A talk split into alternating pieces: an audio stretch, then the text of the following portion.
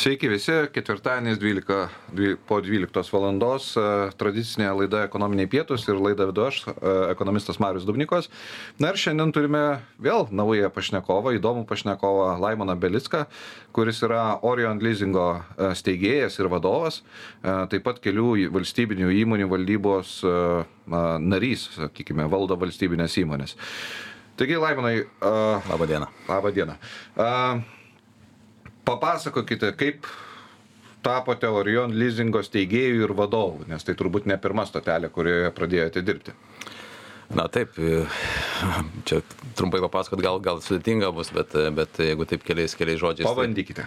tai, tai keliavom, e, aš taip išskirčiau, gal, gal labiau žinoma tokia bendroji Unicredit leasingas. Mes, mes buvom tie žmonės, kurie prieš dabar jau 12-13 metų įsteigėme didžiausiam Italijos bankų ir iškia leasingo bendrovę Lietuvoje. 10 metų ją auginame ir po to sėkmingai kartu su, aišku, savininkais stalų pardavėme. Tai, tai mūsų ta tokia istorija, tai, tai sakykime, taip, taip mes atsiradom ir aš asmeniškai leasingo rinkoje, tai kur, kur tuo metu buvom naujokai, dabar jau tokie patyrę naujokai, ar jau netgi, netgi ekspertais. Tai, tai. Unicredit, italų, italų bankas. Kodėl jis atėjo ir kodėl pasitraukė? Tai jo, tai atėjo turbūt kaip be- bendrai, bendrai daug, daug nulemtų dalykų, bet, bet kaip, sakykime, ten buvo įsigijimų ir plėtros toks rezultatas, buvo toks Hypoferains bankas, Aust, Austrų vokiečių bankas, kurį, kurį Unicredit italų grupė nupirko ir atitinkamai su filialu Vilniuje tuo metu. Tai, O, net nepamenu Jo, jo, tiesą tai jie buvo labai nedidukai tuo metu ir, sakykime, taip nišiniai galbūt, bet Unicredit pats bankas, e, kuris veikia, tai e, savo laiku ten grinai prieš, prieš, reiškia, 8-9 metų, berots, kai daug laiko praėjo, tai sunku ir prisiminti viską, bet mm. buvo tokia, nu, turėjo paslaugas e, didžiausiam Lietuvos bendrovėm, tokia turėjo nišą ir vėliau nusprendė trauktis iš Lietuvos, tiesiog strategiškai netitiko jiems po krizės, netitiko tikslų, nesugebėjo išaukti, bet tuo metu kaip tik tai buvo nuspręsta kitos grupės dalies steigti Unicredit leasingą. Ir mes buvom tie, kurie įsteigėm leasingo bendrovę atskirai nuo banko, kaip seserinę. Ir bankui nusprendus pasitraukti iš rinkos, mes likome rinkoje toliau tęsti veiklą. Ir tai buvo naujas formatas, leasingo bendrovė be banko užnugario. Daug visokių buvo bejonių, kaip čia seksis, gal tai iš vis neįmanoma ar sudėtinga, nes rinka taip pat buvo, kaip sakyti, netuščia ir skandinavų bankų ir visų kitų žaidėjų pilna. Bet e, kaip parodė gyvenimas ir mūsų ta tokia, sakyčiau, tikrai sėkmės istorija, kad, kad pavyko stipriai aukti, pasiekti ten milijardinius portfelius ir ir, ir uždirbdavo pelną. Tai, tai, jo, tai tas etapas tikrai visiems, manau, kolegom toks tikrai geras prisiminti ir, ir, ir, nu, toks. Ar tai buvo e, vadinamas management buyout, tai yra, kai jūs išpirkote iš, kaip vadovai išpirkote įmonę ar kokiu būdu? Ne, ne, ne, tiesiog Unicredit grupė pardavė verslą Citadelės grupiai, Mm. jeigu taip tiksliai formuluosiu. Supratau. Jo, tai. Bet dabar atkeliaujame į, į Orion leasingą. A, Čia vis tiek Orion yra grupė, o jūs pristatinėjau kaip steigėją ir vadovą. Tai steigėjas, reiškia, jūs kažkaip iš išorės atėjote ir įsteigėte įmonę ar, ar kažkokį, kažkaip sutarimą kažkokį pasiekėte. Tai kaip, kaip, kaip ir minėjau, dėl, dėl įsigijimo e, tapom, tapom e, Citadelės grupės dalimi ir po truputėlį su artimiausiais bendražygiais, kadangi buvom pratę verslauti ir atsakyti už savo sprendimus aukščiausių lygių, tai, tai galvom tą patirtį reikia, reikia tęsti ir, ir dairėmės partnerių sustartuoti nuo savo veiklą. Tai, nu, tarp bendrą veiklą, tai, tai kalbėjom su keletu, su keletu Lietuvoje aktyvių invest, investuojančių grupių. Na ir šiaip sutapo interesai, pavyko susitarti su Oriono grupė, kur jo, tai, tai, tai ir prieš beveik dabar jau du metus pradėjom bendrą, bendrą projektą. Tai, tai aš esu steigęs, bet aš nesu vienintelis e, savininkas tenai, be abejo, turim, turim finansinį investuotoją, kuris e, jau užtikrina kapitalo mhm. poreikį, o mes užtikrinam veiklą ir verslą. Beje, klausytojams noriu priminti, kad laida yra vedama gyvai, e, per žinių radio programėlę galite užduoti klausimus, kuriuos e, pašnekovai taip pat su malonumu perduosiu. Um, leasingas.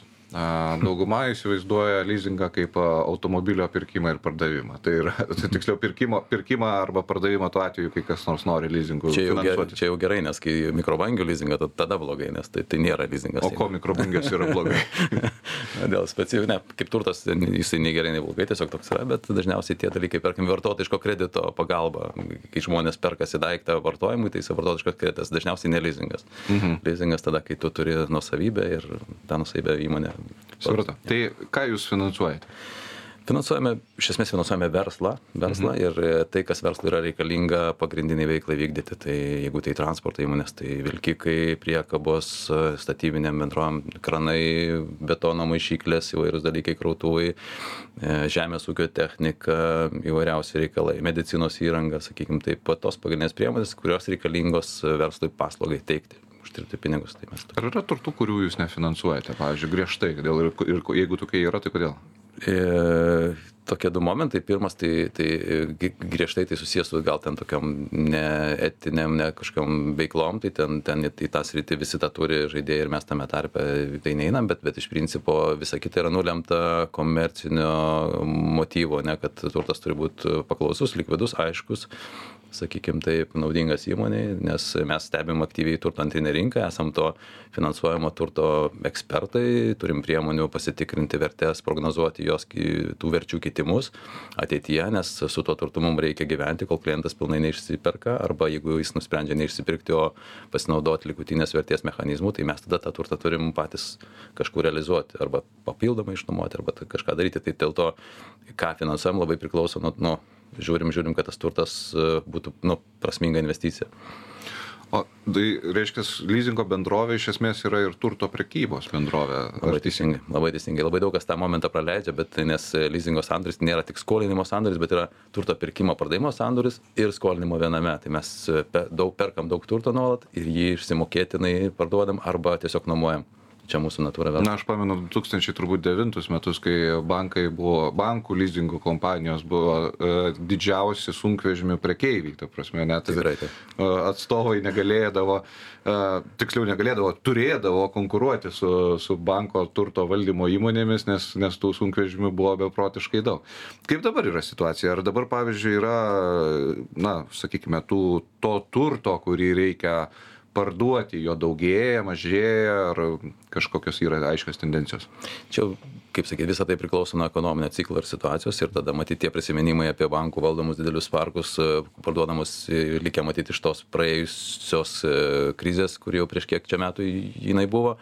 Tai, tai dabar, dabar tos tendencijos tikrai nėra ir nematom nei, nei pilnų aikštelių, nei atimamų turtų, nei, nu, galima kalbėti apie bendrą foną, sakyčiau, ekonominio tokį pa, paaštrėjimą, bet, bet sakykime, nei, nei, nei mes, nei konkurentai, kiek, kiek sėku, ne, ne, neraportuoja kol kas padidėjusių kredito nuostolių, kas lemtų tada tą parko jau perimą, pardavinėjimą ir taip toliau. Tai, tai viso to nėra aišku, kaip tiesiog ir, ir, ir mes ne, nebe tie patys, kaip, kaip kad buvom tada ir, ir, ir tos bankų bendrovės jos pasikeitusios, didžioji dalis yra integruotos į bankus, tai tapę tokie savotiškais departamentais ar padaliniais, kur, kur irgi linkia labiau standartizuoti savo paslaugą. Tai, tai va tas fintecho sektorius kaip mes ir kiti žaidėjai, jie daugiau tokie tada arčiau klientų ir, ir arčiau to turto, bet bet vis tiek tai ir ta, ta prekyba, beje, beje, irgi lizingo tokia skiriamoji dalis, kad prekyba turtų nėra nieko blogo. Bankui paprastai, jeigu jau perimi turtą, kuris įkeistas, jau, jau tau nepasisekė. Kažkas, reiškia, suklydai įvertindamas, klientui nepasisekė, turi. Kai tuo tarpu lizingo atveju tai nebūtinai yra nesėkmė. Klientas gali tiesiog susitarti su, su, su bendrovė, realizuoti turtą, dengti įsipareigojimą ir tai, tai tame nėra įsipareigojimo nevykdymo, tai yra tiesiog sustarimas ir dažniausiai jisai būna nenuostolingas, o priešingai naudingas abiem pusėm. Tai, tai čia va, tas lizingo iš dalies ir lankstumo tam tikras va, nu, elementas yra. Gerai, šioje vietoje turime sustoti, padaryti pertrauką laida ekonominiai pietus, kurią vedu aš, Marius Dubnikovas, ir kartu su manim šiandien apie leasingą ir leasingo verslą kalbasi Laimonas Belickas, Orion leasingo steigėjas ir vadovas. Iki greito susigirdėjimo. Grįžtame po pertraukos, laida ekonominiai pietus, laida du aš, ekonomistas Marius Dubnikovas ir šiandien su manim kalbasi Laimonas Belickas. Buvęs Unicredit leasingo vadovas bei Orion leasingo steigėjas ir vadovas, taip pat dalyvauja valstybinių įmonių valdyme. Baigėme apie leasingą kalbėtis ir man suskambėjo ausise toksai e, žodis likutinė vertė tai vat norisi iš specialisto išgirsti ar vis tiktai reikia naudotis ta likutine verte imant lizingą ar ne. Nes kiekvieną kartą bent jau aš automobilį pirkdamas ir tikrai naudojuos lizingo lizingo paslaugom visą laiką nu galvoju ar čia reikia to daryt ar nereikia. Kaip kaip pačiam tai atrodo? Tikrai taip. Nu e, mano atsakymas aišku kad reikia iš tikrųjų. Reikia nes e, nes tokiu atveju tu kaip e, pirkėjas ar tas nu klientas pasinaudoji E, būsima, reiškia, automobilio vertę e, jį parduodant. Kitaip tariant, nereikia tos vertės išmokėti. Kitaip tariant, kas mėnesį tiesiog reikia skirti mažiau lėšų. Ne? Tai, mm. tai va tą logiką sekant, naudinga. Jeigu galvot apie ten, kas ypatingai anksčiau buvo populiaru įsigyti turtą, jį pilnai išsimokėti ir tada jau parduoti, neparduoti, galvoti, tai tada aišku ta likutinė vertė jinai ne, nereikalinga, tada jau, jau įdarbini daugiau kapitalo, bet jau tada spekuliuoji būsimos vertės sąskaitą. Ne, tu nežinai, kiek, kiek ten tas automobilis ar ten traktorius ar kombainas bus vertas ir galvoji, kad tu vėliau užsimanęs parduoti, išloši daugiau. Bet, bet dabar ypatingai tarptautinės bendrovės tą madą atvedė, kad, kad šitą visi labiau linksta į tą tokį tokį prognozuojamą e, OPEXą, taip vadinamą, ne, kad prognozuoti savo kasmėnesinės sąnaudas. Dar daugiau visai tendencija rinkoje, čia jau toksai išvestinis reikalas, bet iš principo ta ateitis tai iš vis yra, kad ryšti mokėjimus už jūsų, ten, tarkim, daiktą sėti su, su produktivumu tam tikro, sakykime, ne, jeigu tai įranga, tai pagamintų nežinau, kažkokio produkto kiekio arba ten, žinai, prikultų grūdų kiekių kombainui. Tai čia jau tada toks tikrasis, to dar nėra iš tikrųjų, bet apie tai kalbam, galvojam. Čia vat iš tikrųjų tas, tas toksai, kaip ir saliginai tu ateini prie pajamų šaltinio e, ir, ir savo, e, reiškia, finansavimo struktūrą priartini prie kliento poreikio maksimaliai. Tai jisai moka tada, kai turi lėšų ir nemoka, kai neturi. Ir disponuoja turtu tada, kai reikia ir kai nebereikia, nebedisponuoja. Tai jam čia yra toksai jau, vat leasingo tokia misija galėtų būti, ne, nes jeigu jo nebūtų, tai kokia alternatyva nusipirkti daiktą, investuoti daug pinigų, užsiskolinti daug ir laukti, mm. kol ten kažkas, žinai, atsipirks. Bet likutinė vertė jinai kainuoja ar ne? Jinai e, kaip paslauga tokia, ar... Jo. Nu, jinai, jinai turi, nu, kaip... Nes vis tiek tie pinigai yra paskolinti, aš kaip suprantu, ta prasme, jie vis tiek e, pardavėjui, jie yra sumokėti, reiškia, iš jūsų kasos jisai, jie išėję, reiškia. Jie, jie kainuoja kaip pinigų kaina, tai jie kainuoja, bet tiesiog jų nereikia dengti. Tai iš jeigu dviejų dalių žiūrėt kaip kredito mokėjimą, tai palūkanos skaičiuojamas nuo visko, mhm. o dengimas tik tai nuo ten, tam tikros dalies, pusė, ten 30, kiek, kiek ten išeina pagal tą terminą ir turtą. Tai, tai kainuoja palūkanas likutinė vertė. Nu ir reikia pasakyti, aišku, visada likutinė vertė yra truputį mažesnė su tokiu tam tikru rezervu yra lyginant su prognozuojama rinkos kaina. Tai nei vienas e, atsakingai veikiantis nerizikuotų nustatyti per didelės likutinės vertės, kad po to turtą pardavinėtum su nuostoliu. Dažniausiai vis tiek yra įdėta tam tikra pelno marža ant turto likutinės vertės. Tai, tai tikėtina tas, tas užtikrintumas kliento, kad jisai žino, kad po trijų metų e, tikrai, tikrai e, turtą parduos ne mažiau negu šitiek tai tai kainuoja ten keletą procentų nuo tos vertės būsimos. Mhm. jeigu rinka palanki aišku. Jeigu susiklosto tokia situacija kad pavyzdžiui rinkoje tas turtas kainuoja gerokai brangiau negu likutinė vertė ar gali būti toksai atvejis kad lizingo bendrovė sumokės daugiau negu buvo numatyta likutinės vertės? Kad lizingo bendrovė sumokės daugiau už tą daiktą iš kliento teoriškai lizingo bendrovė nenori e, į tą santykį eiti. Kaip taisyklė jinai palieka tai klientui ir galbūt tam atpirk nes nes vertę garantuot pirkėjas, tas, kuris yra to turto prekybos specialistas, ne ten automobilių, tai atstovas, ten traktorių. Tai jisai, jisai užtikrina tą vertę ir jeigu, je, bet klientas turi pasirinkimą, jis gali netiduoti to daikto, gali pats, jeigu rinkos vertė stipriai pakyla, jis gali išsipirkti ir pats parsiduoti. Tada, mhm. Tai čia vat, yra lankstumo. Palėtėm kaštus, finansuojate įmonės. Na, visi girdime Euriboro kilimą, lyginimą su būsto paskolomis, kaip, kokia dinamika yra leasingai nu čia to išvengti niekam nepavyko ir turbūt nepavyks nes ta ta rinka globali ir pinigų kaina jinai tikrai tiesiogiai priklauso nuo nuo nuo bendros palūkanų normos kuri vat ir šiom dienom ane yra dar kartą keliama. Tai tai tai vis visas kaip sakyti gal didžiausias verslui ir iššūkis bet kuriam verslui yra susi dirbti susigyventi su ta nauja realybe palūkanų normų ane realybe nes dažniausiai nemenka dalis balanso yra susijusi su palūkanų normos dydžiu. Įmonėm tai taip pat ir lizingas nie nieko čia kitaip labai nėra tai yra vis tiek euriboras ar ten vienokio ar kitokio termino plius marža. Tai tai tai tai tai reiškias vyrauja kintamos palūkanos ar yra ir fiksuoto lizingo yra ir fiksuoto. Kaip taisyklė, jeigu ne, lizingas su išsipirkimu arba finansinis lizingas jisai siejamas su kintama dažniausiai, jeigu tai yra nuoma arba veiklos lizingas, dažniausiai tai yra fiksuota, fiksuota dydžio įmokos, kitaip tariant, turi duoti fiksuoto, fiksuoto dydžio ir palūkanas tą įmoką formuoti. Tai, Tai... Gal galite pailustruoti, kokios palūkanos vyrauja, sakykime, verslui, nes nu, gyventojai maždaug automobilius įsivaizduoja, bet vat, verslo vadovai, jeigu vis tik nutartų, pavyzdžiui, kreiptis į leasingą, pirkti vieną arba kitą įrangą. Kokios tai būtų, kokie tai būtų skaičiai? Paprastas klausimas, bet sudėtingas atsakymas, ne, nepatikėsit, nes e, šiaip labai priklauso, kas jūs toks esat, kokia jūs įmonė esat ir ką perkat. Nu, bet rėžius ir, galima kažkokius. Jo, rėžius, tai, tai va, tarkim, nuo ten aš sakyčiau taip, vis tiek marža plus, nu, tai, tai bazė plus ten kokie 2,5-3 bankinis, jeigu finansavimas, mm. ir iki dviženklio, dviženklių palūkanų, jeigu tai yra nebankinis ar labai specifinis ar toksai trumpalaikis finansavimas, tai, tai va to, tokie rėžiai. Ir, ir tie rėžiai, sakykime taip, su palūkanų augimu, jie, nu taip pat net, net ir stebėtinai, jie, jie pakankamai dideli yra. Gal galima pailiustruoti, kokie specifiniai tie turtai būtų, vat, kurie būtų patys pigiausi ir kurie būtų patys brangiausi finansuoti. Tai čia galima mūsų įmonės pavyzdžio pasakyti, mes, pavyzdžiui, e, visada, e, visą laiką ir, ir, ir anksčiau, ir dabar orientavomės į tokius didesnius daiktus. Nu, tai įranga, gamybinė įranga, kažkokia technika didesnė dar kažką, bet, bet šiemet atradom tokią bendradarbiavimo galimybę su partneriais ir, ir, ir nuomojam įmonėms automatiniu būdu, reiškia, Apple produktus. Ne? Kaip pavyzdys, tai, tai vat, mūsų atveju mažiausias ir, ir būtų koks nors e, Apple telefonas ar kompiuteris. Tai iš tokių vat, visai smulkių mm. daiktų. Aišku, tai vyksta visiškai automatiškai, e, praktiškai be žmogaus įsiterpimo, naudojantis mūsų gerą programą, kurią esam pasidarę. Bet, e, bet iš principo tai nulemta yra operacinių kaštų, kad tu negali leisti per daug investuoti į smulkų sandorį, nes tai tiesiog bus per brangu tau administruoti. Tai kai turi priemonę, gali tą leisti. Mm. Tai, va, tai, tai daugiau mažiau, tai su to susiję dydis. Mm. Supratau. Sukam šiek tiek temą į kitą pusę - valstybinės įmonės ir o, val, valdybų, valdybų dalyvavimas. Kokio, kuriuose įmonėse tenka dalyvauti? A, tai nepriklausomą valdybos nariu.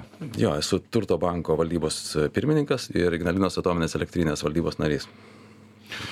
Nepriklausomas valdybos narys. Kaip juo tampama? Kas, kas, kuo reikia būti, kad taptum nepriklausomu valdybos nariu? Na pirma tai turi pareikšti norą ane antra aišku turėti reikiamą kompetenciją ir sudalyvaut e, konkurse. Tai tai čia tas kelias toksai periodiškai skaidriai viešai vyksta atrankos daug daug specialistų dalyvauja ir ir šiaip rinkoj yra daugiau mažiau. Ka kas ir man atrodo labai teisinga žinoma kaip tokia ką žinau įprasminimas savo patirties truputėlį galimybė atsinešti į viešąjį sektorių tokią atlikt tam tikrą misiją. Iš vienos iš kitos pusės sužinot daug įdomių dalykų kas tikrai galiu patvirtint kad tikrai taip yra.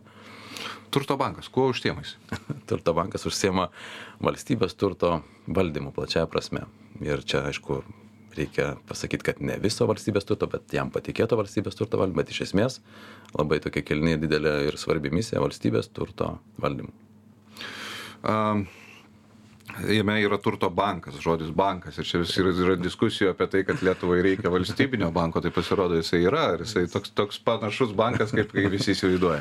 Nu, dėja, ne, čia, čia kaip sakyt, labiau, nu, kaip bankas, ne iš universiteto laiko atsimenam, kad turi ten keletą funkcijų, ne įvairių funkcijų ir vienas iš ten kaip savotiškas depozitoriumas, tai gal tas vat skolinys čia gal atitiktų iš dalies, kad yra nu, tam tikras turto depozitoriumas, ne, kad tas, kur, nu, fondas dabar atsiradęs yra kiti, kiti, kiti tokie pavadinimai, bet iš principo tai yra reliktas iš praeities, iš tikrųjų mm. tai su banku ta klasikinė skolinimo ir indėlių rinkimo veikla nieko bendro neturi, tai yra tiesiog jo pavadinimas, tai yra apibūdina, kad e, valstybės turto saugotojas, toks, sakykime taip, ne, ir, ir ten.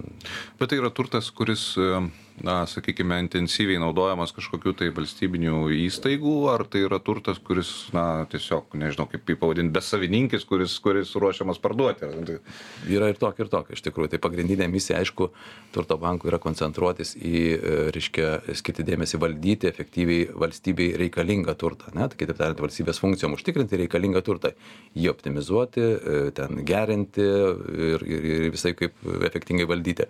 Bet e, yra ir papildomų funkcijų, tai kitaip tariant, yra ir bešeimininkio turto, kur, sakykime, turto bankas atsakingas už jo administravimą ir realizacija taip pat yra ir valstybei nereikalingo turto kuris yra su šeimininkais valstybės e, e, turimas taip sakyt ane bet bet jis nėra reikalingas valstybės funkcijom atlikti tiesiogiai. Tai tai tas turtas irgi jisai po kaip sakyt e, sprendimų priėmimo jisai tampa parduodamu turtu Gerai, turime padaryti šioje vietoje pertrauką, laida ekonominiai pietus. Šiandien kalbame su, su Laimonu Belicku, Orion leasingo e, steigėjų ir vadovu. Grįžtame po pertraukos. Laidą vedu aš, Marius Dubnikos ir su manim šiandien yra Laimonas Belickas, Orion leasingo steigėjas ir, val, ir vadovas, bei valstybinių įmonių valdybos narys, bei, bei netgi pirmininkas. Turime klausimą iš auditorijos. Justas klausia, ar gal turto bankas, ar gali turto bankas disponuoti valstybės turtus siekiant maksimalios naudos valstybei? Na tai pats klausimas turbūt ir ir atsakymą taip manau kad suktas įrašyti šiek tiek nes e, iš dalies turbūt tikslas visada siekti maksimalios naudos bet iš kitos pusės ar tai visada sutampa su turto valdymu kaipo tokiu ar reikia pavyzdžiui didelių patalpų vienam valdininkui ar nereikia ir panašiai. Jo nes nes čia čia vat e, me kai mes sakom tai vis tiek visų interesas yra didinti vertę valstybės turto privataus turto tiesiog didinti vertę ane ir tas turtas tuo vertingesnis tuo ko ko valstybei jisai jisai uždirba arba daugiau grąžos arba jisai mažiau kainuoja arba reikia mažiau e, ploto ane per mhm. darbuotoją tai tai ten e, tikrai turto bankas turi tikrai gerą, reiškia, tų taip vadinamų veiklos rodiklių sistemą, kur, kur vienas iš, iš kertinių vat, rodiklių, ką ir paminėjom, yra ploto vienam darbuotojui ane e, mažinimas viešajam sektoriui kas nėra lengva nes žmonės pripratę dirbti vienaip vienose e, patalpose o čia dabar atnešam naują modelį kur sakom žiūrėkit jums nereikia dvidešim kelių kvadratų vienam žmogui tiesiog nereikia. Ir gali galit komfortabiliai dirbti e, susimažinę plotą ir dar labiau netgi gali dirbti turėdami šešiasdešim septyniasdešim procentų darbo vietų. Patikėkit taip gali būti. Ir daugeliui tai tai nėra lengva priimti bet bet turto bankas beje savo pavyzdžiu naujajam biure turi šešiasdešim procentų darbo vietų ir vat jau jau kaip sakyt keletą mėnesių aktyviai veikia ir ir vat nori ir tą žinią skleidžia ane kad ne tik privačiam sektoriui bet ir viešajam sektoriui galima galima tą pasiekti. Nes žmonės yra žmonės ir ir o dėl vertės ir atsakant į klausytojo klausimą tai tai aš kaip sakyt būdamas iš o kaip privataus verslo atstovas tikrai galvoju kad tai yra turto banko misija tame tarpe ir didinti vertę ane? Ir o jau tą vertės supratimą mes turim turėt išgrynintą išaiškintą ir jeigu mes tiesiog kaip sakyt mažinsim vertę arba ten neatsakingai valdysim turtą arba per pigiai parduosim arba ten neefektyviai e, remontuosim tai čia visa tai tiktai mažins vertę žinai? Ir ir tai tai mūsų kaip valdybos užduotis yra kad to nebūtų ir ir daug dėmesio skiriam tam diskusijų turim daug ir įvairių su su turto bankų kolektyvu kur tikrai girdim vieni kitus ir, ir galvoju, kad esam labai teisingam keliui. Bet tai jūs suformuojat, pavyzdžiui, ministerijai pasiūlymą, ne, nu, matote, kad na, jis išsikeroja per daug, ploto turi. Sprendimą vis tiek ministerija pati priima. Žinoma, aišku, sprendimą priima ministerija, mes neturim galios, kaip sakyti, liepti ar ten kažką, kažką daryti, viską vyksta diskusijos, ir, bet, bet viskas, kaip sakyti, vyksta tokių darybų, parodymų, gerų praktikų e, būdu, kaip ir dabar, pavyzdžiui, gal teko girdėti ne apie tą taip vadinamą ministerijų miestelį, Goštoto kvartalą, kur mm. naujas turi atsirasti. Tai, tai, tai daug vizitų su, pavyzdžiui, komanda daro e, su ministerijų atstovais, tarkim, privačiuose biuruose. Nu, ten, sakykim, taip, nežinau, ar galiu, bet tarp vieno iš ten, sakykim, ir, ir banko biuruose, ir, ir tuose biuruose, kur, kur ateina žmonės tiesiog pasižiūrėti. Gal anksčiau nėra buvę, gal ne, nebuvę tose patalpose, kur, kur ne klientams skirtos. Ir pasižiūrėti, kaip, kaip dirbama, netgi pasiklausinėti tų pačių darbuotojų, kaip jiem čia jausmas, kaip sekasi, ar čia gerai, blogai. Ir jie, nu, tiesiog žmonės pamato pavyzdį ir supranta, kur link mes einam ir ir ir sakau mūsų tikslas kaip ir valdybos ir ir bendrai jaučiam ministerijos tokį savininkų atstovų lūkestį kad tai ne ne nesiskirtų ilgainiui nesiskirtų darbo vietų vietos kokybė privačiam sektoriui ir viešajam sektoriui nes tam tiesiog nėra jokių prielaidų. Mes tikrai galim turėti puikius gražius ergonomiškus geroj vietoj esančius o ir reiškia ekonomiškus e, biurus e, viešajam sektoriui. Ar valstybinės įstaigos moka už plotus, kuriuos, kuriuos naudoja va, turto banko turtu, turtu disponuoja? Taip, čia geras klausimas. Atsakymas taip moka. E, aišku, tas e, kitas klausimas, kiek moka, tai tas kiek yra nulemtas tam tikrų ten formulių ir, ir reglamentų, kur tai, mhm. tai nėra e, taip sakyčiau, labai paprastai aiškinant laisvos rinkos ar ten, žinai, kiek privatus mokėtų, bet, bet ten yra tokia tam tikra logika to, to, to, tos kainos. Ir taip, ir tas plotas, kuo toliau, tuo brangiau, nereikalingas plotas, tai institucijai kainuoja. Tai jinai mhm. tą irgi interesą turi mažintis tą plotą, nes tai vis daugiau kainuoja. E, tai aš nekalbu ne tik apie išlaikymą, bet ir pačią nuomą. Tai... Nes aš kodėl klausiu, tai yra, kaip suprantu, ta prasme, tai gerai, kad bent šioje vietoje moka, nes reiškia skauda kažkiek. Tai biudžetą, biudžetą valgo, reiškia, negali nukreipti kažkur kitur tų pinigų. Bet, vat, pavyzdžiui, su turto mokesčiais, kas yra, vat, pavyzdžiui, verslas turi mokėti už uh, savo valdomą turtą mokesčius, tuo tarpu valstybinės įmonės jau nuo šito mokesčio kaip ir yra atleistos. Nu, čia aš gal ne, ne, tos temos labai ir nekomentuosiu, nes, nes e, ta prasme, čia, čia toks jau dalykas teisė, kur... Ne, bet tas aspektas, kad e, už, už, už nekilnojamą turtą, ar yra tokiu atveju, kad, pavyzdžiui, jūs nepratestumėt sutarties, kuriai nors valstybiniai įstaigai, nu, žiūrint į tai, kad jinai neracionaliai naudoja nekilnojamą turtą? Ne, taip, taip turbūt nėra. Mes kaip tik tai atsakingi už turto bankas atsakingas už tai, kad suteiktumėm patalpas valstybės funkcijom vykdyti. Tai tarkim, jeigu dėl kažkokių priežasčių kyla problemų, šiaip mes turim surasti alternatyvą. Kartais nuomojamės rinkoje, laikinai, kol remontuoja, sakykime, pagrindinė buveinė vienos ar kitos įstaigos, tai, tai mes turim užtikrinti. Tai, o ten, kad jau tokios sankcijos imtis, kad žiūrėkit, nesutinkat, tai tada keliaukit, tai to ne, nedarom ir ne, ne, Gerai, Goštauto kvartalas. A, jisai iš esmės naujai turės būti statomas ar, ar tie esami pastatai rekonstruojami? Dalis pastatų bus rekonstruota ir ten, ten yra tie šeši etapai, daug informacijos yra ir, ir, ir turto banko puslapį, ir, ir, ir, ir viešo, viešo erdvėje, tai, tai tiesiog aš tik tai keletą elementų paminėsiu, kad tai, tai bus kombinacija e, rekonstrukcijos ir naujos statybos. Ir, ir sakykime, taip, pagrindinis privalumas tikrai yra ta vieta, kuri jau priklauso valstybei ir tiesiog jos įveiklinimas, išnaudojimas turėtų pagal visus planus ir, ir norus ir, ir, ir skaičiavimus atitikti tiek miesto gerą urbanizacijos praktiką, tiek, tiek, tiek biurų, biuram pritaikomumą, taip, taip vadinamą. Tai, nes pagrindinė mintis padaryti ministerijas atviras ir tokias, kaip čia iš architektų va teko girdėti, ne, kaip, kaip, kaip žiūrint, dažniausiai, bet prieini prie ministerijos, tai yra laiptai, tada yra duris, tada tam. Apsauginis. Apsauginis, tai va tai, o kai ateini į privačią kontorą, net žiūrėk, per kokio sebo ofisą tu gali pereiti keurai per, per reiškia, iš vienos, iš, nu, tiesiog būdamas praeivis pereiti, ne per tam tikrą, tai, tai, tai va tikslas yra padaryti kažką panašaus, aišku, ten su atitinkamais saugumo ir apsaugos lygiais ten jau kylant aukščiau, bet, bet iš principo vizija tokia ir, ir, ir tai, tai tas, kas va keletą tų tokių yra ir, ir, ir nuotraukų vizijų pateikta internete, tai, tai sakyčiau, tikrai gražus projektas turės būti. Gerai. E, Viskai tai susijęs su statybomis. Kas tuos darbus atlieka tokiu atveju? O kelsim visas ministerijas į vieną krūvą ir kas tą krūvą turi pastatyti? Tai pastatyti turi įmonės, kurios laimės e, konkursą. Tai, tai čia, čia kaip sakyti, suprojektuoti įmonės, kurios laimės konkursą ir pastatyti įmonės, kurios laimės konkursą. Tai bus privatus verslas. Tai bus labiau, sakykime, mm, tiesiog statybos darbai samdomi, ar tai bus kažkoksai partnerystė, kur na, vadinami tie projektai, kur, kur, kur perdodamas turtas? Ne, tai, tai bus, e, kadangi turto savininkas yra turto bankas, mhm. valstybė, mhm. per turto banką, tai, tai tiesiog turto bankas yra užsakovas ir organizatorius e, tų visų konkursų. Tai va čia tai mes į tuos santykius, kad ten investuoja ir kažkas palaipsniui, nu, jie yra geri tam tikrais atvejais, bet jie yra sudėtingi iš kitos pusės, priklauso nuo juridikos ten ir, ir, ir, ir, ir laiko to pačiu, ir ten pasikeitimų įvairių. Tai, tai čia modelis paprastesnis, tiesiog turto bankas užsako, užsako projektuotojus, užsako darbus, rangovus ir jie realizuoja.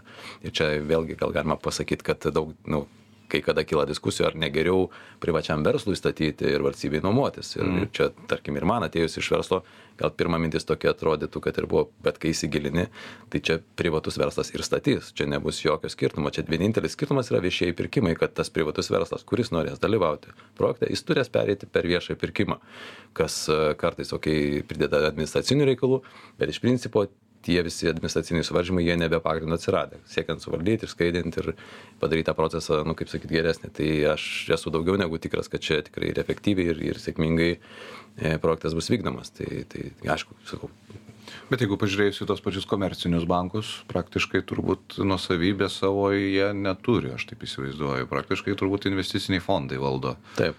Į nekilnojamą turtą. Tai ar ministerijai vis tik tai, ar turto bankui reikia turėti tą turtą vis tik tai? Geras klausimas, labai iš tikrųjų. Tai vat mes irgi dabartinės valdybos sudėti, mes, mes e, tą tokią kryptį turime, kad, kad e, valstybės turtas, jis galėtų būti suformuotas paket, į, į tokį paketą, jis, jis galėtų būti prilygintas investicinio fondo valdomam turtui.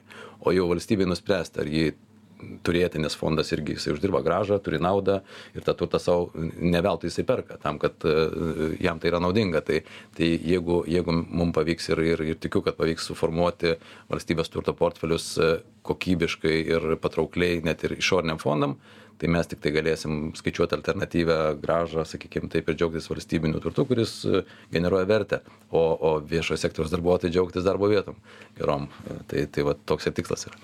Gerai, šioje vietoje sustokime, turime daryti pertrauką. Laida ekonominiai pietus, laida vidu aš Marius Dubnikovas ir kartu su manim Laimonas Belickas, valstybės turto banko pirmininkas. Grįžtame po pertraukos, laidą du aš, Marius Dubnikovas ir kartu su manim Laimonas Belickas, e, Orion leasingo steigėjas ir vadovas bei Turto banko e, taip pat pirmininkas.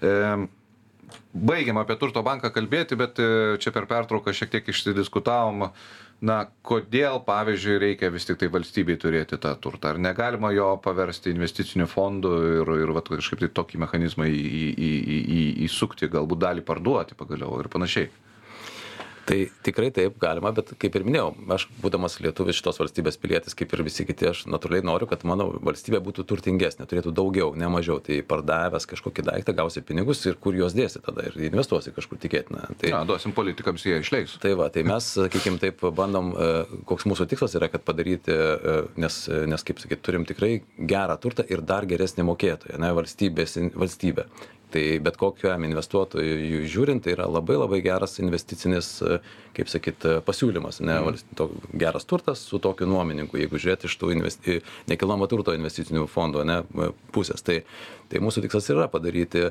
e, kokybiško vie valstybinio turto portfelius juos e, nuomos sutartis ir visus santykius su su nuomininkais padaryti įmanomai artimus geriausiam reiškia standartam rinkoje ir o jau parduoti ar neparduoti tai aš sakyčiau neparduoti nes auginti vertę bet bet jau tada tu kai turi gerą daiktą kurio vertė didėja nu tada tada laisvas spręsti kokio tau ko kokios tau reiškia grąžos reikia trumpalaikės ilgalaikės kaip kaip tu su ja tvarkaisi. Tai tai tai vat kad to pasiekti tą alternatyvą mum reikia susitvarkyti bendrai turte visame turte nuomininkuose pasidaryt kokybiško turto portfelius e atitinkamos kokybės sutartis sakykim taip efektyvu efektyvius pastatus.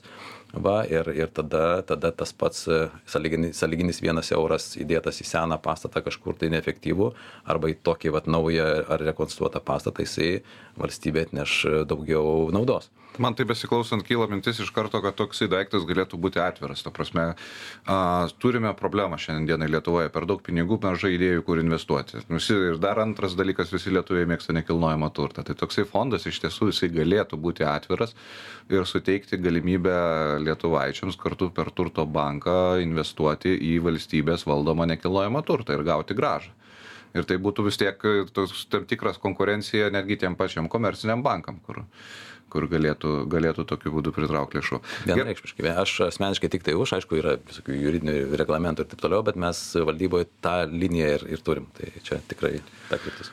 Gerai. Dar yra viena portfelyje įmonė ignalina kur esat valdybos nariu tai visi galvoja kad ignalina yra uždaryta. Tai ko kokio velnio tenais reikalinga valdyba? Jo visi galvoja kad jau uždaryta nėr ką veikt bet kai sužino kad ten dirba apie ten ne tūkstantis aštuoni šimtai žmonių tai dažnas nustemba ką ką ką ten daryti. Tai tai tai jinai nėra uždaryta ir tai yra ilgas projektas didžiausias sakyčiau didžiausias regione konversijos projektas. Vat mes daug kalbam apie žalią transformaciją konversiją iš taršaus į netaršų. Tai čia yra savo tokia kaip sakyt sudėtingumo specifika yra didžiausias ir toks sudėtingiausias projektas kuris truks dešimtmečius. Ir ir tai vat ta bendrovė ignalinos atominė elektrinė jinai tą unikalų pirmą kartą daromą procesą ir vykdo ir mhm. čia yra tarkim ir tokio mechaninio reikalo griauti ir ten sakykim rūšiuoti bet yra daug tokio unikalaus žinojimo ar ten to know how kad ne, tai daroma pirmą kartą. Tokio tipo reaktoriai išar, demontuojami pirmą kartą pasaulyje. Tai, tai to vietoje čia tų mm. iššūkių užtenka. Nu ir dėl to reikalinga visa priežiūra ir valdyba. Ir, o yra galutinė data, vis tiek kažkur jau, kai jau sakysime, kad tas projektas yra pabaigtas. Yra nustatyta data, bet ir yra kelios datos nes nes viena yra demontavimas visko ane ten mhm. sakykim nugriovimas ko nereikia bet kitas yra atliekynai tai dabar turim laikiną laikino saugomo atliekynus ir dabar yra planuojama įrengti tą giluminį atliekyną nes nes su su radij kaip čia radioaktyviais elementais ir, ir, ir užterštais, e, reiškia, dalykais yra, yra toks, toks reikalas, kad tu negali jų eksportuoti į kitas šalis, tu turi jau pats ir saugoti ten, kur sukūrė. Tai, tai Lietuva turi įsirengti giluminį, giluminį atlikyną, pasirinkti teisingą vietą. Ir čia yra, čia yra nu, dešimtmečių projektas. Ir tada, tai, kur jau saugoti tą, tas taršias medžiagas neribotą laiką. Tai tam projektui vykdyti, sakau, yra dešimtmečiai, o, o, o konversijai pačiai grebimui tai tai yra planas yra projektas finansuojamas europos sąjungos plačiąja prasme tai tai ten ten tie trisdešim penktieji trisdešim šeštieji metai maždaug. Kaip pavyksta žmonės motivuoti, ta prasme, dirbti projekte, kuris yra skirtas uždaryti įmonę, nes nu, visi motivuojasi, kad auksim, šis sekančiais metais turėsim pardavimus, dar kažką tai, o čia tavo darbas sunaikinti tavo darbą, kaip sakant. Tai ar, ar žmonės jaučiasi, jaučiasi saugus tokiam, tokiam darbė? Nusvanti, mes, pažiūrėjau, kaip irgi valdybą prisijungiam irgi išorniai, ne, tai, tai irgi mums, kodėl mes ten tikrai įdomus, kaip sakyti, ambicingas, nestandartinis, vienas toks reiškia konversijos žaliosios didelis projektas. Tai, tasme, tai yra labai įdomu, kad negamins elektros, okei, okay, kai mes atėjom, buvo aišku, kad greunam, bet dabar mes, žiūrėk, ne, kiek kalba apie mažosius reaktorius, apie visą, tai ta prasme, nieks ne, negalėtų sakyti, kad e, kaip tokia, reiškia, atominė energetika, jinai jau yra, kaip sakyti, nebe, nebediskutuotina. Tai, tai, tai ten to įdomumo, patikėk, yra, yra labai labai daug. Gerai, tada paprovokuojantis provokuojantis klausimas, nesuderintas beje. Tai reikėjo mums uždaryt atominę vienas klausimas Ta prasme, kaip sena technologija, tai čia, kaip aš į tos mūrus ir tas sienas, į tos koridorius žiūrėdamas, tikrai nenorėčiau, kad jinai dar veiktų šito, šiuo metu. Tai, tai toje vietoje, kaip sakyt, sakyčiau, kad nepaisant to, kad jinai galėjo dar veikti kurį laiką, bet vis tiek būtume atėję iki to paties rezultato. Tai, tai pradėjom, kada pradėjom, darom nesidarydami atgal ir, ir, ir dabar gyvenam žiūrėdami į priekį. Net gal nors greunam, bet žiūrim į priekį, ką toliau daryti. Tai, tai ką, ką verta paminėti, mes Lietuvoje turim daug privalumų lyginant su VTS, tai kažkas kelbėsi, kad ten irgi tuo čia čia pastatys mažą reaktorių, e, tai nu, nenoriu sakyti, kad nieko panašaus, bet Lietuva yra e, šviesmečiais, jeigu tai galima priekį, nes turi reglamentavimą, turim priežiūri, priežiūrinčią instituciją, turim, esam, reiškia, tarptautinių specialiųjų, reiškia, organizacijų nariai, e, mokam valdyti brandolinę energetiką iš principo, tą brandolinę saugą. Tai mum pavyzdžiui paleisti naują idėją yra žymiai paprasčiau ir mes esam greičiau e, tą galintys padaryt negu kaimynai. Tai tai toj vietoj sakyčiau taip. Gerai antras provokuojantis klausimas labai greitai tiesiog laikas eina į pabaigą. Ar reikėjo mums naujos atominės elektrinės? E, sakyčiau jo praleidom turbūt progą manyčiau taip nu nepaisant to kad ten sakykim taip jo e, saugumas ir visa kita bet žiūrint į kitas šalis į ten be bestatančius tai tai sakyčiau modernios reikėjo bet vėlgi dydis taip toliau, čia, čia tie klausimai tokie spekuliatyvus. Aš sakyčiau, per tą energetikos krizę, kurią čia turėjom, nu, Na, jis būtų saldainis. Būtų saldainis. Gerai, laida ekonominiai pietus ir aš e, turiu tokius kelis tradicinius klausimus. Tai pirmas klausimas, pats vis tiek esi iš finansų sektoriaus. Tai kaip pats valdai savo asmeninius lėšas, kurios jau yra arti kailio, kaip sakant? jo, tai, tai pirmiausia, jo tai investuoji į tą ką darai tai aš esu investavęs į savo bendrovę. Tai mm. nes čia kaip artimiausia kailo kailio jau to ane bet o visa kita tai esu toksai čia kažkas yra labai aktyvus investuotojas o aš sakyčiau gal labiau pasyvus diversifikuojantis investuotojas tai tai tas gal mano ten tie visi kokie objektai yra?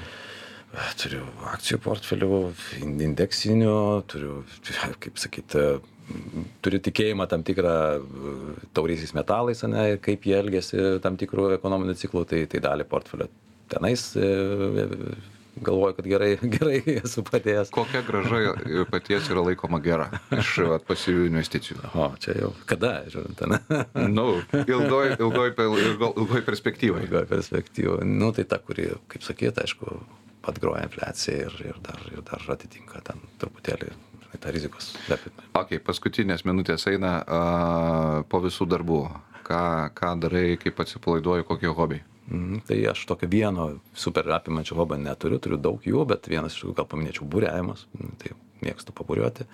Bet, uh, su jachta, su lenta, su kuo buriuoti, nes galima su daug ko buriuoti. Buriuoti galima ir be nieko, net yeah. ne. jo, su jachta, iš tikrųjų mes jo, turim buriuoti. Čia Lietuvoje ir užsienyje? Ir Lietuvoje ir užsienyje. Tai tekė, Emerseilo keliauti tekė daug. Tai... Gerai, liko 10 sekundžių, paskutinis klausimas. Uh, kokį automobilį vairuojate? Gerą. Gerą. ne, vairuoju Audi Q8 iš tikrųjų, aš esu labai patenkintas.